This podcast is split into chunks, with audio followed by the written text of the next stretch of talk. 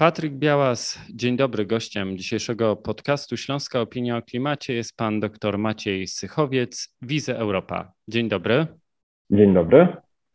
KPO może przyspieszyć zieloną transformację Polski. Przewidziane w planie pieniądze na dekarbonizację polskiej gospodarki powinny być przeznaczone na inwestycje w bezpieczeństwo, w tym energetyczne i niezależność surowcową Polski. Im większe ambicje w tym względzie, tym spokojniej Polska mogłaby szykować się do nadchodzących kryzysów energetycznych związanych z mniejszą dostępnością gazu, ropy i węgla na, rynku, na rynkach światowych. No właśnie chciałem zapytać od razu o to, jakie zielone reformy i inwestycje przewidziano w polskim KPO? E, tych reform jest trochę, nie da się ukryć, e, i możemy je podzielić na kilka takich istotnych segmentów, które, e, które szczególnie jakby podkreślają tę zieloną, zieloną transformację. Pierwsze z nich to jest efektywność energetyczna, e, w której zawierają się reformy głównie związane z termomodernizacją oraz wymianą źródeł energii. Drugie dotyczą takiej już szeroko pojętej transformacji energetycznej rozumianej poprzez wprowadzanie i y, odnawialnych źródeł energii. I trzecia kwestia to jest, e, to jest, dotyczy głównie transportu. I jeśli chodzi o e, tę efektywność energetyczną, to tutaj przede wszystkim właśnie należy wskazać na e, termomodernizację, która jest, jest czymś, co nawiązuje do istniejącego już programu i co będzie realizowane przez ten program, czyli przez czyste powietrze. I w ramach e, termomodernizacji możemy zauważyć e, pewne tendencje, które się pojawiają w ramach e, KPO. I mm, to nie oznacza w ramach tej termomodernizacji jakby wymiany źródeł ciepła. Dużo, dużo właśnie w polskim, w polskim krajowym planie odbudowym poświęca się uwagi kotłom gazowym, czy w ogóle e, temu, tej jakby sferze e, energii. I jest to o tyle zaskakujące, ponieważ gaz ziemny jest paliwem przejściowym i też w pewien sposób nie odzwierciedla takiej głęboko, takiej daleko posuniętej transformacji energetycznej. Natomiast jest to coś, co występuje właśnie w KPO, mimo że e, wskazuje się właśnie w, e, w opisie kamieni milowych, że jednym z warunków jest to, żeby do końca 2026 roku wymiana źródeł, w ogóle wymiany źródeł ciepła, e, kotły gazowe nie stanowiły więcej niż 40%. I jest to o tyle zaskakujące, ponieważ w sumie y, zachowania konsumentów są już takie, że w ostatnim czasie y, zainteresowanie wymianą na kotły gazowe to jest poniżej 30%. Mm, dodatkowo warto też wskazać na istotną, y, istotną kwestię termomodernizacji budynków komunalnych. I to też jest istotna kwestia, ponieważ i to jest coś na plus, ponieważ przypadku, jeśli spojrzymy na e, pozostałe kraje Unii Europejskiej, to e, wymiana, e, termomodernizacja budynków komunalnych jest w przypadku Polski na samym końcu, jeśli chodzi o Unię Europejską. Do tej pory głównie się wymienia, termomodernizuje budynki użyteczności publicznej, szkoły, szpitale, przychodnie i tym podobne jakby obiekty. I tutaj też warto zaznaczyć, że duży nacisk jest e, położony na pomoc e, w termomodernizacji i wymianie źródeł ciepła e, osobom czy gospodarstwom domowym, które ma o niskich dochodach. I to są jakby te, te, te istotne elementy. Natomiast e, sama term, e, efektywność energetyczna mogła być dużo bardziej posunięta i mogłaby być dużo bardziej skupiona na tak zwanej głębokiej, e, głębokiej termomodernizacji. No, ale tak nie jest. Jeśli chodzi o odnawialne źródła energii, to tutaj akcenty, które zostały położone, ponieważ na odnawialne źródła energii jest zapisane w KPO łącznie, jeśli chodzi o pożyczki i dotacje 5 miliardów euro, ale prawie 4 miliardy euro poświęca się programowi farm wiatrowych na morzu, który jest dosyć takim programem kosztownym, w przeciwieństwie do w dużo mniejszym stopniu niż farmy lądowe, farmy, farmy wiatrowe na lądzie.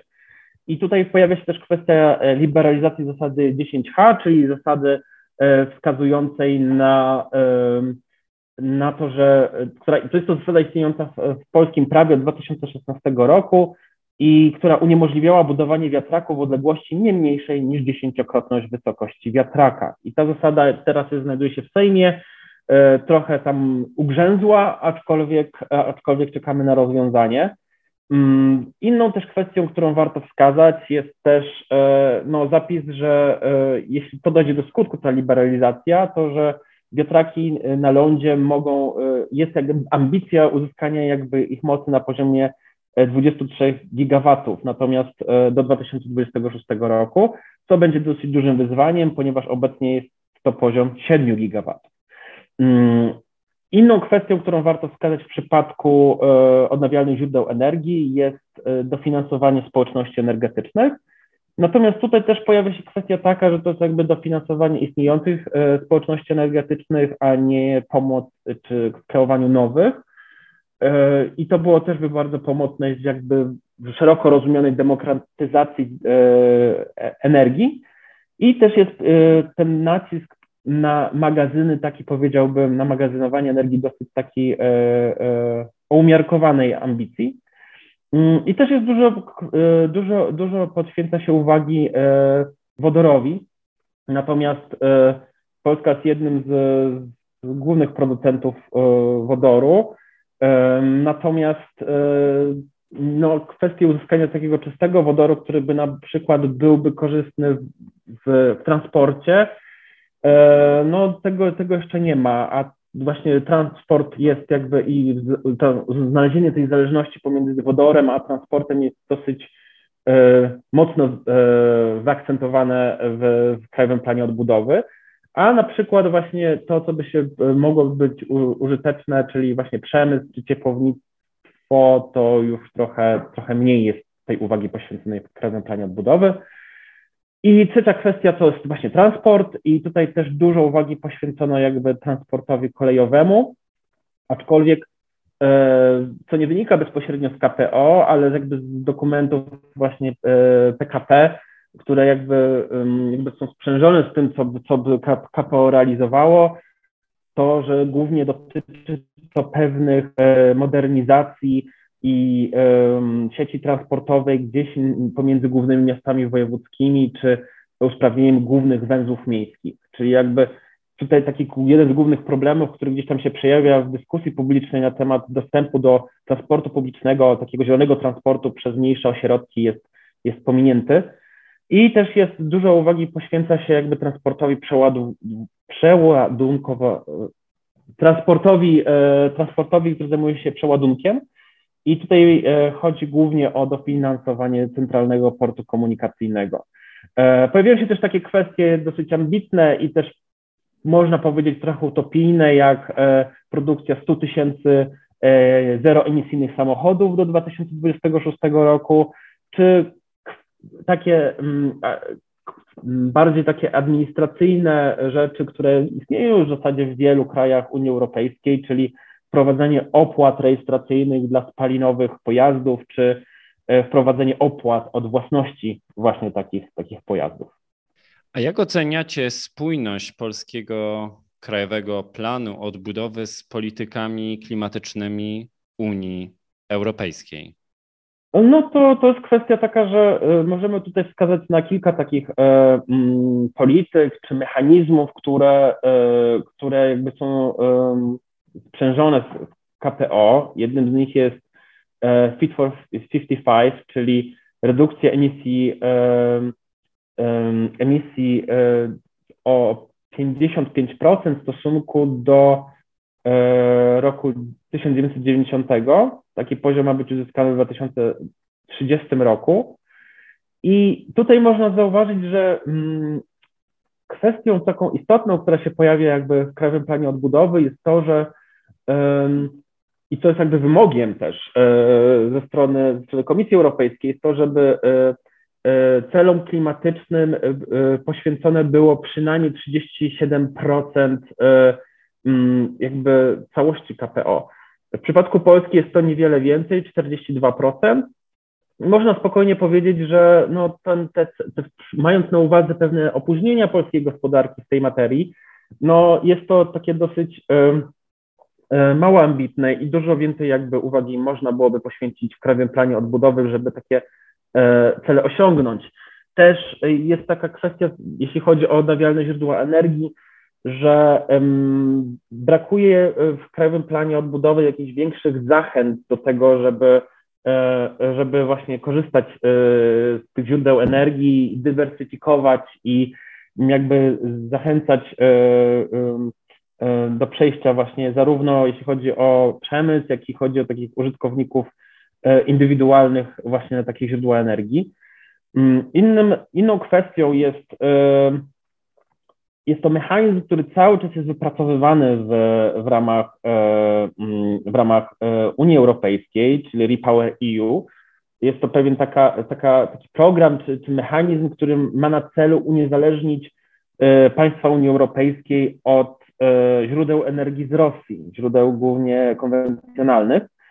I tutaj właśnie znowu też pojawia się ta kwestia, kwestia jakby przemysłu oraz tego, że, na, e, że w Krajowym Planie Odbudowy nie poświęcono za wiele, wiele miejsca e, transformacji energetycznej w przemyśle. I to jest chyba jeden z takich głównych elementów i, i, i zarzutów, który pojawia się e, w stosunku do Krajowego Planu Odbudowy.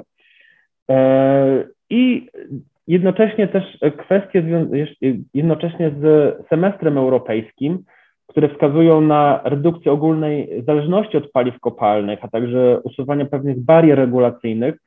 Tutaj też jakby tutaj ten element jest e, dosyć rozczarowujący.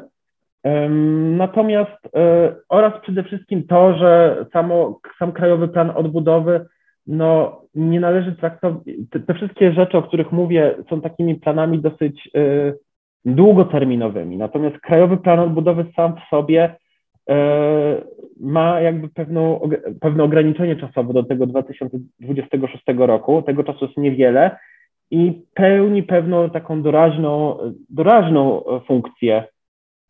I, i z tego względu e, w zasadzie Krajowy Plan Odbudowy mógłby pomóc Polsce, jeśli byłby dużo bardziej ambitny w Mm, w dogonieniu pewnych, e, pewnych zaległości związanych z transformacją energetyczną. A jak wygląda polskie KPO na tle innych KPO, na tle KPO innych państw członkowskich, czyli jak komisja ocenia poziom ambicji, kwestie reform, jakie widzi problemy, jakie już teraz widzi problemy związane z realizacją Polskiego Krajowego Planu Odbudowy? E, jeśli porównujemy, jeśli porównujemy polski kraj, e, krajowy plan odbudowy z, z pozostałymi państwami, no to tutaj mam taką, e, to jest taka słodko-gorzka refleksja, polegająca na tym, że nie wypadamy najgorzej, ale co do zasady większość państw wypada również dosyć przeciętnie w tej materii. Jeśli spojrzymy na przykład na to kwestię związaną z wykorzystaniem e, kotłów gazowych e, przy wymianie źródeł energii, nie jest to tylko e, polska specyfika, ale też pojawia się to w innych krajach Unii Europejskiej. Na przykład można wskazać Słowację czy Słowenię jako też takie kraje, gdzie mm, dużo się poświęca temu uwagi. I można przyjąć, że tak na dobrą sprawę Mm, wiele państw potraktowało Krajowy Plan Odbudowy w sposób bardzo taki e, instrumentalny, ale też e, nie potraktowało tego, e, tego jakby mm, tego zobowiązania, które się jakby podjęła Unia Europejska solidarnie, czyli zaciągnięcia tych obligacji, e, jako pewien, m, mm, pewna siła napędowa do tego, żeby e, E, faktycznie e, uzupełnić, czy może ponieść własne narodowe gospodarki na jakieś takie bardziej zielone tory. I to jest jakby taka ogólna refleksja dotycząca tego, jaki jest poziom ambicji klimatycznych w, innych krajach. Jest to, jest to dosyć rozczarowujące, biorąc pod uwagę, że też są takie kraje jak na przykład, dajmy na to, Bułgaria, która oficjalnie na poziomie pewnej narracji ma e, w swoim KPO to jest e, aż 59% miejsca jakby dotyczących reform i inwestycji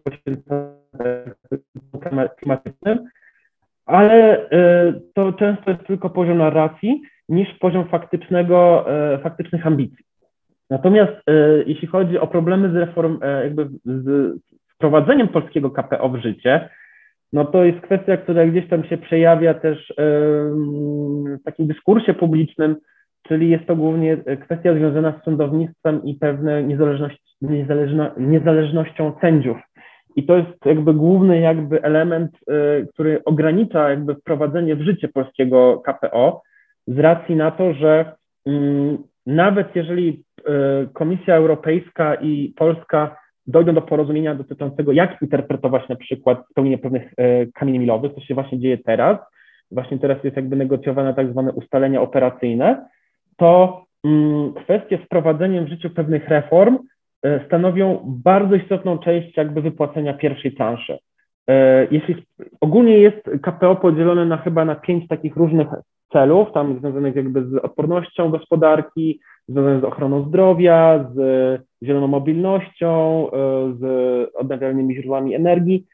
E, I w ramach tych transz, które są jakby podzielone dosyć tak systematycznie, jeśli chodzi o wypłatę tej, e, tych funduszy, to w przypadku Polski pierwsza transza jest wbrew w dużej mierze jest uzależniona od, od tych kwestii instytucjonalnych. I to jest jakby taki główny problem. Natomiast problemem też takim istotnym, który się pojawia w polskim KPO i który warto podkreślić, jest chociażby y, przejrzystość i pewne, e, pewne jakby mm, pewna weryfikacja tego, w jaki sposób to e, krajowy plan odbudowy jest wdrażany. I tutaj warto wspomnieć o pewnej, pewnej jakby organie, który jakby ma na celu jakby weryfikować to, czyli komitet monitorujący, jednak członkowie tego komitetu, którzy w dużej mierze powinni składać się między innymi z przedstawiciela, przedstawicieli e, e, trzeciego sektora, to jednak w dużej mierze są to przedstawiciele, którzy są wyłonieni bezpośrednio przez stronę rządową, co daje pewne takie wątpliwości, na ile, na ile to będzie weryfikowane w sposób bez, bezstronny. E, I oczywiście też pojawia się kwestia, co też jest pewnym jednym z elementów e, Krajowego Planu Odbudowy, czyli e, wprowadzenia systemu unijnego, teraz mogę się pomylić, jeśli chodzi o wymowę nazwy, ale to się, to, to się nazywa system Arachne, Arachni.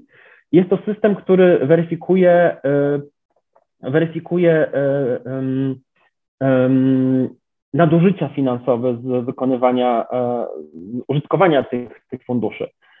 I jest to też taka kwestia, która jest bardzo istotna, jeśli chodzi o wprowadzenie i jakby weryfikowanie tego, w jaki sposób to e, KPO jest wdrażane.